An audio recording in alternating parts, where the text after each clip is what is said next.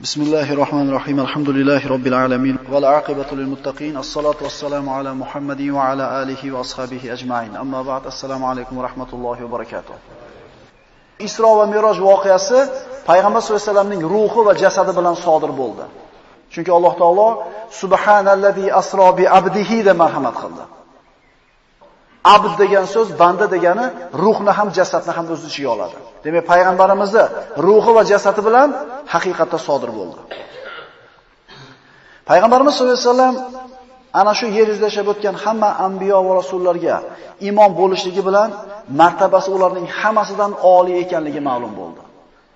Shu bilan birga Alloh taolo boshqa payg'ambarlarga bergan shariatidan bizning shariatimiz ustunligi hamda islom shariati o'zidan burungi hamma samoviy shariatlarni bekor qilishligiga dalil bo'ladi. Shuning uchun hozirgi kunda dinlarni birlashtirishlikka harakat qilayotgan tashkilotlar bor. Ya'ni hammamiz ham Robbimiz bitta, hammamizni ham Alloh yaratgan, kelinglar bitta bo'laylik deb turib, mana shu dinlarni birlashtirishga harakat qilayotgan odamlar bilib qo'ysinki, ular ochiq zalolatda. Qanday qilib Uzayr Allohning o'g'li deyotgan yahudlar bilan musulmonlar teng bo'lsin? Qanday qilib Iso Allohning o'g'li deyotgan nasorolar bilan la ilaha illalloh deyotgan musulmonlar teng bo'lsin? Bularni tenglashtirishlik, bularning hammasini bir xil deyishlik ochiq kufrning o'zi bo'ladi. Avval yotgan payg'ambarlarning shariatlari o'zini zamoniga, makoniga, ma'lum bir qavmiga ishlagan. Endi payg'ambarimiz Muhammad Mustafa sallallohu alayhi vasallam islom shariatini olib kelgandan keyin ular o'z-o'zidan o'zini kuchini yo'qotadi. Biz Tavrotni, Injilni Alloh nozil qilgan kitob deb iymon keltiramiz. Payg'ambar sollallohu alayhi vasallam aytganlar: "La tusaddiquha va la tukazzibuha." Ana shu Tavrot bilan Injildagi narsalarni tasdiqlab to'g'ri ham demanglar, lekin inkor ham qilmanglar. Inkor qilmasligimizning sababi Alloh nozil qilgan. Lekin tasdiqlamasligimizning sababi ular o'zlarining kitoblariga juda ko'p o'zgarishlarni kiritib yuborishgan. Demak, innad dina indallohil islom. Alloh taoloning huzurida yagona maqbul din bu islom dini. Islom dinidan tashqarida bo'lgan kishilarni jannatga kiradi deyishlik ayni zalolatni o'zi. Kunlarda birida payg'ambarimiz sollallohu alayhi vasallam Umar ibn Hattob roziyallohu anhuni Tavrotdan bitta sahifani olib o'qib turganini ko'rib qoldilar. Va achchiqlari kelib, "Ey Hattobning bolasi, meni nubuvatimda hali shubhang bormi?" dedi. Allohga qasam, agar mana shu sahifani egasi bo'lgan Musa ibn Imron tirik bo'lganida menga ergashlikdan boshqa ishi bo'lmas edi dedi. Yahudi bo'lgan Musa ibn Ibron tirik bo'lsa, menga iymon keltirardi dedi. Mana shu hadisdan ma'lum bo'ladiki, islomdan boshqa din Alloh taoloning huzurida qabul qilinmaydi. Payg'ambarimiz Merojdan qaytib Baytul Maqdisga tushdilar. Hamda u yerdan Makka ga qarab qaytib keldi. Makkaga qaytish yo'lida payg'ambarimiz bir necha bir mashhadlarga guvoh bo'ldilar. Yo'lda ketar ekan bir karvonni ko'rdi. Ana shu karvondagi tuyalardan bittasi buroqni o'tishligidan cho'chib, qochib ketdi hurkib, topisholmay qoldi. Payg'ambarimiz sollallohu alayhi vasallam ularga sizlarni tuyalar falon joyda deb aytdi. Hali karvondagi kishilar ovozni eshitishdi, lekin payg'ambar sollallohu alayhi vasallamni ko'rishmadi. Hayron bo'lishdi. Lekin aytilgan joyga borishganida tuyani haqiqatan borligini topishdi. So'ngra payg'ambarimiz ana shu bir karvonga to'xtab, bir idishga suv qo'yib ustini yopib qo'yishgan edi. Payg'ambar sollallohu alayhi vasallam chanqagandilar, to'xtab shu suvni ichib idishini yopib qo'ydi. So'ngra Makka mukarramaga yetib, tong otishlik paytida payg'ambarimiz Ka'batullohning oldida o'tirib, kechasi bo'lgan ajib rihla safari haqida fikrga, o'yga tolib o'tirgan edi. Payg'ambarimiz bu holatda ko'rgan Abu Jahl shu yerdan o'tib ketyapti, ko'rib qoldida, bir narsa bo'lganini sezib turib, "Ey Muhammad, biror ish sodir bo'ldimi?" dedi. Payg'ambarimiz sollallohu alayhi vasallam Abu Jahl qachon ko'rsa, "Ey Muhammad, osmondan xabar yo'qmi?" deb masxara qilar edi. Desa payg'ambarimiz, "Ey Abu Hakam, iymonga kelishlik vaqti bo'lmadimi?" deb qo'yadi. U johilga johilona muomala qilmas edi. Chunki payg'ambar sollallohu alayhi vasallam nabaviy axloq egasi edi. Abu Jahlni, "Ey Muhammad, biror ish sodir bo'ldimi?" degan savoliga payg'ambarimiz ha dedi. Abu Jahl to'xtab payg'ambar sollallohu alayhi vasallam oldiga o'tirdida, "Nima bo'ldi?" dedi. Payg'ambar sollallohu alayhi vasallam kecha tunda Baytul Maqdisga borib keldim dedi. kulib, o'zini zo'rg'a to'tib aytdiki, "Xo'p, bording, keyin nima bo'ldi? Namoz o'qiding, keyin nima qilding?" Payg'ambar sollallohu alayhi vasallam ana shu Baytul Maqdisda namoz o'qiganligini, anbiyolarni ko'rib ularga iymon bo'lganligini aytganidan keyin qotib-qotib kuldi. So'ngra "Ey Muhammad, bu gapingni hammaga aytaveraymi?" dedi. Payg'ambar sollallohu alayhi vasallam aytaverdi. Shunda shuncha yildan beri payg'ambarimizni oldiga kelib odamlar eshitmasin deb payg'ambarimizdan odamlarni haydayotgan Abu Jahl endi o'zi chaqirardi. "Ey Quraysh, ey qavm kelinglar, kelinglar Muhammadni kazzobligini bo'ldi. Eshitdinglar buni gapini" dedi. Quraysh yig'ilib keldi. "Ey Muhammad bularga ham ayt" dedi. Payg'ambar sollallohu alayhi vasallam men kecha Baytul Maqdisga borib, hamma payg'ambarlarga imom bo'lib namoz o'qib keldim dedi. Bu aql qabul qilmaydigan, inson tasavvur qila olmaydigan ish edi. Abu Jahl aytdiki, qaranglar buni. Biz Baytul Maqdisga borishimizga bir oy, yana tuyalarni minib qaytib kelishimizga bir oy, borib kelishimizga 2 oy ketadigan Baytul Maqdisga bir kechada borib keldim deyapti. Mana uni kazzobligi ma'lum bo'ldi dedi. Bu xabar Quraysh orasida Makka da tarqab ketdi. Hatto ba'zi musulmonlar iymoni zaif bo'lganlari ta'sirlanishdi. Shu bilan islom da'vatiga nihoya yetib qolishiga mumkin edi. Mana shu fitna sababli. Musulmonlardan biri shoshganicha Abu Bakr Siddiqning oldiga borib turib, "Ey Abu Bakr, yuring men bilan" dedi. "Qayoqqa yuraman?" "Falon falon ishlar bo'ldi." Payg'ambarimiz bir kechada Baytul Maqdisga borib keldim dedi. Abu Bakr Rasululloh shu so'zni haqiqatan aytdimi dedi. Ha deganida, agar haqiqatan aytgan bo'lsa, tahqiq rost aytibdi dedi. Payg'ambarimiz sollallohu alayhi vasallam oldiga Abu Bakr keldida, "Yo Rasululloh, kecha tunda Baytul Maqdisga borib keldingizmi?" dedi. Rasululloh ha dedi. Shunda Abu Bakr rost aytdingiz dedi.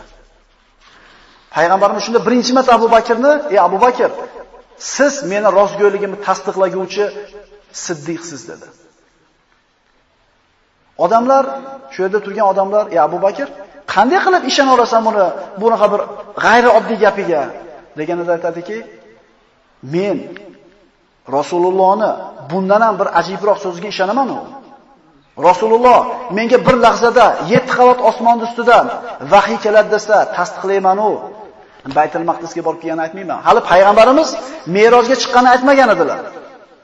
Abu Bakr aytayaptiki, agar u Baytul Maqdisga borib kelish emas, agar 7-qavat osmonga chiqib tushdim desa ham ishonaveraman men deydi.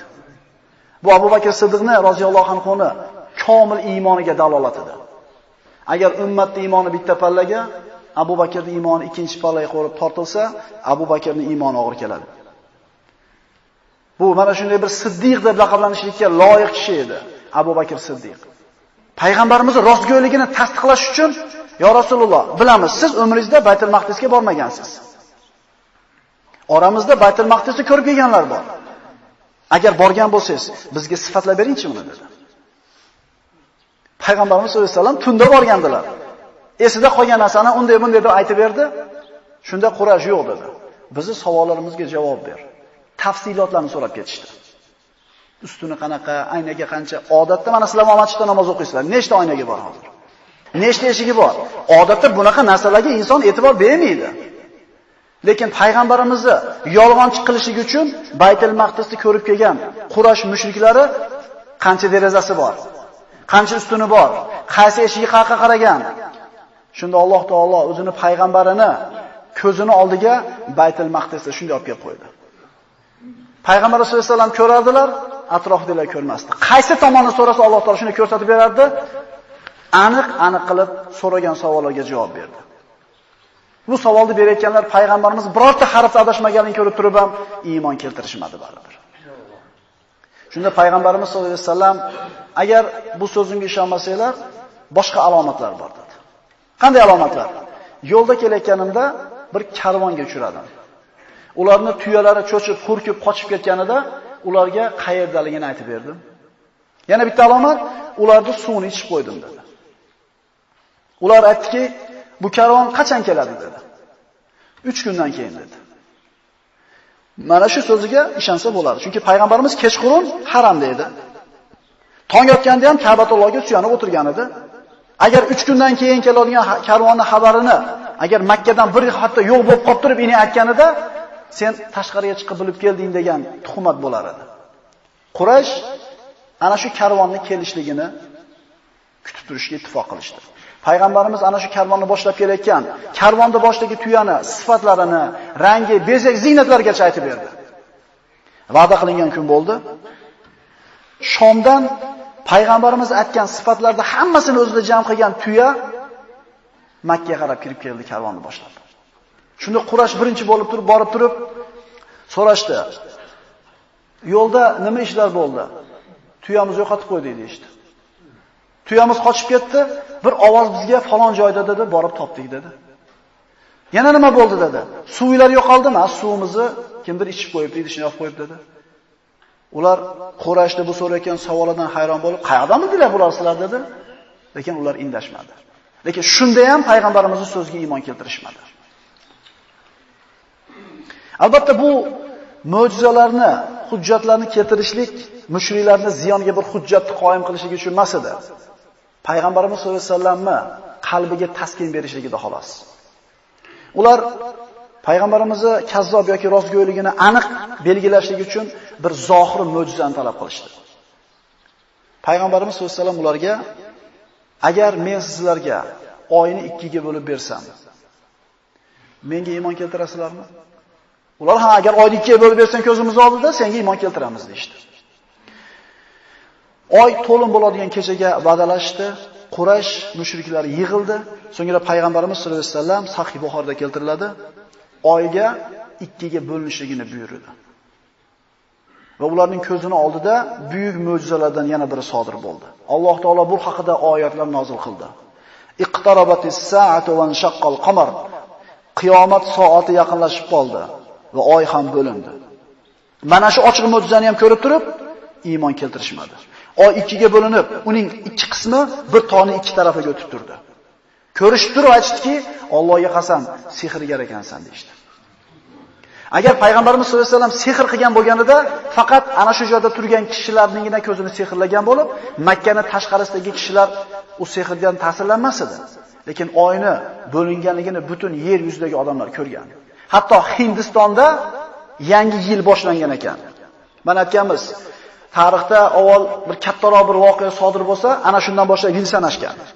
Fil yilini birinchi yilida payg'ambarimiz tug'ilgan, 2-yilda Abu Bakr tug'ilgan va hokazo. Agar qaytarib o'tamiz, sehr qilgan bo'lganida payg'ambarimiz tashqaridagi odamlar buni ko'rmagan bo'lar edi. Alloh taolo bu haqida oyatlar nozil qilib shunday deydi. Astagfirullah. Iqtarabatis sa'atu wa inshaqqal qamar va in yaraw ayatan yu'ridu va yaqulu sihrun mustamir. Qiyomat soati yaqinlashib qoldi va oy ham bo'lindi. Agar ular biron oyat mo'jiza ko'rsalar, yuz o'girurlar va bu har doimgi sehr kudirlar. Ularga Isro Mi'roj yoki karvonda aytilgan alomatlar yoki oyni bo'linish ham foyda bermadi. Iymon keltirmadi. Ular ko'zi ko'radigan, his qiladigan mo'jizalarni ko'rsatib bersa ham iymon keltirishmadi. Alloh ularga payg'ambar zamonida yashashlik vaqtini berdi, lekin iymon keltirishi baxtini bermadi. Bizgachi Biz payg'ambarimizni ko'rganimiz yo'q. Lekin ko'rmagan bo'lsak, mo'jizalarni ko'rmagan bo'lsak ham Alloh bizga shahodat kalimasini berdimi? Bundan ortiq qanday ne'mat bo'lishi mumkin? Payg'ambarimiz sollallohu alayhi vasallamning da'vatini Quraysh qabul qilmadi. Payg'ambarimiz sollallohu alayhi vasallam zamonlarida Rukona ismli bir pahlavon bor, kurashadigan bo'ladi. Polvon bo'ladi. Hech qachon yengilmagan, yelkasi yer ko'rmagan bo'ladi.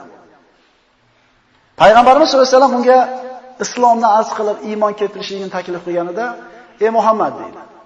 "Agar sen men bilan kurashib meni yengib qo'ysang, senga iymon keltiraman." Payg'ambarimiz Rukonani taklifiga rozi bo'ldilarda, o'rnidan turib, shunday belini ushab, shunday ko'tarib yerga chopib qo'ydi.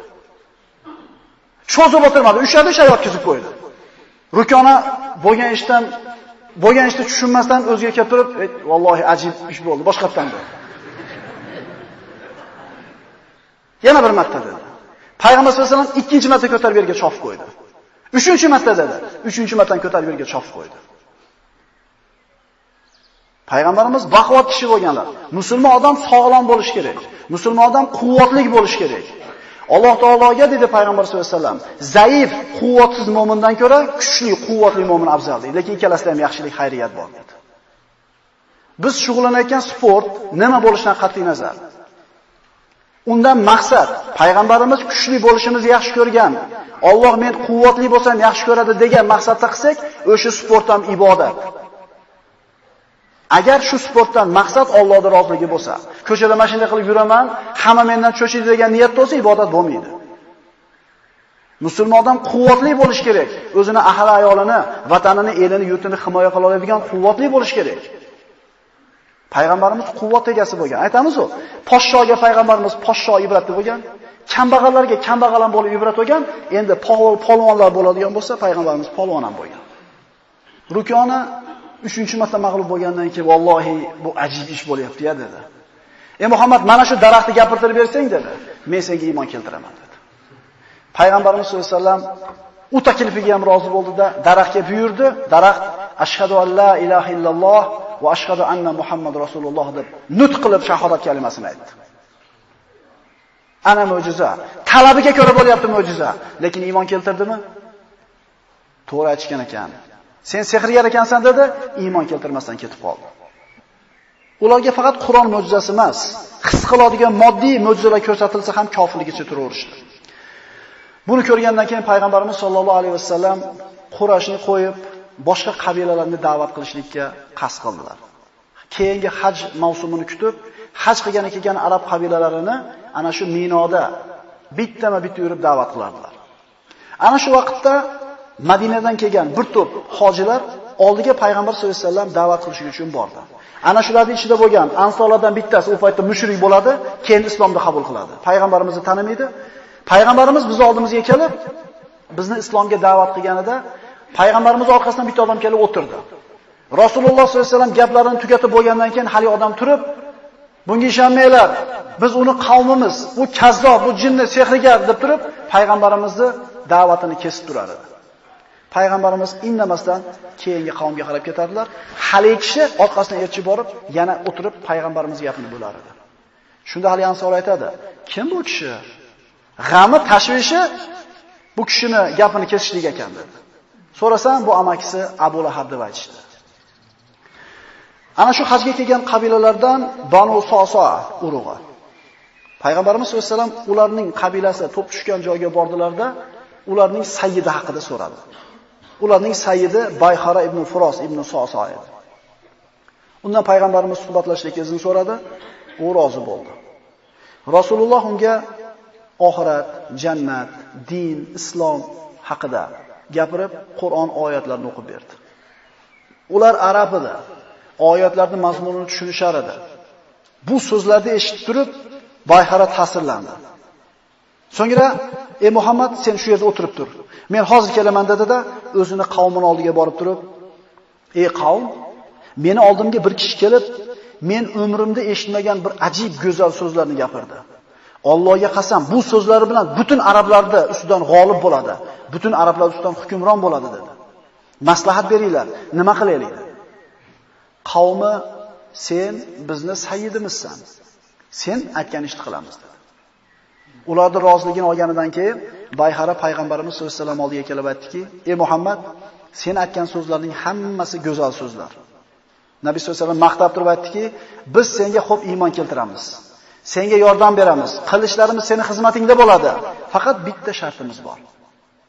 Alloh uchun qilinadigan ish faqat Alloh uchun qilinadi. Orqasidan biror bir dunyo, g'araz, maqsad qilinmaydi."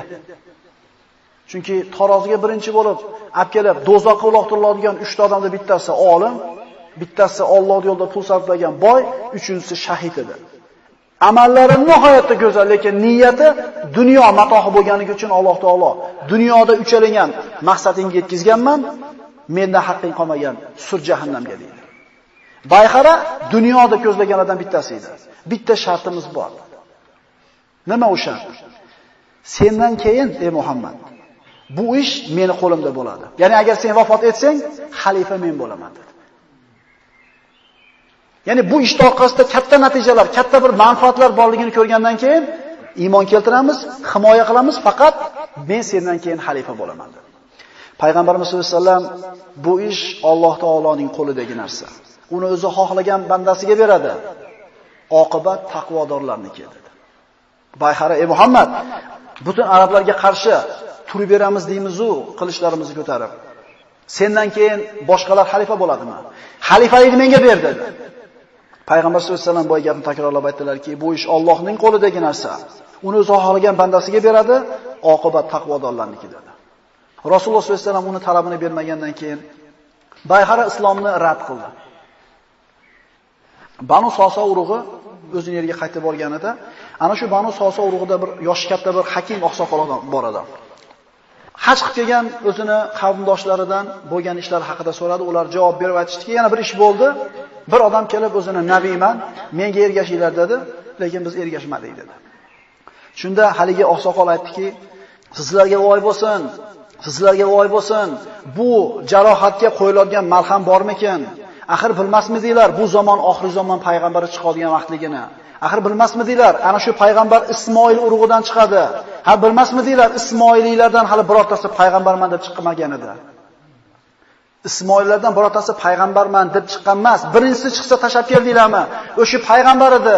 Iymon keltirmadinglarmi dedi, lekin uning so'ziga itoat qilishmadi. Yer yuzida ansor bo'lishlik sharafi Banu Soso urug'iga yetib turuvdi, lekin dunyo tamasida ular bu narsadan voz kechishdi.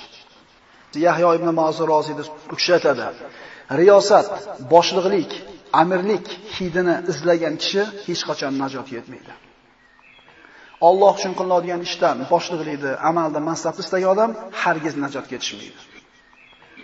Aqulu qawli hada va astagfirulloh li va lakum. Assalomu alaykum va rahmatullohi va barakatuh.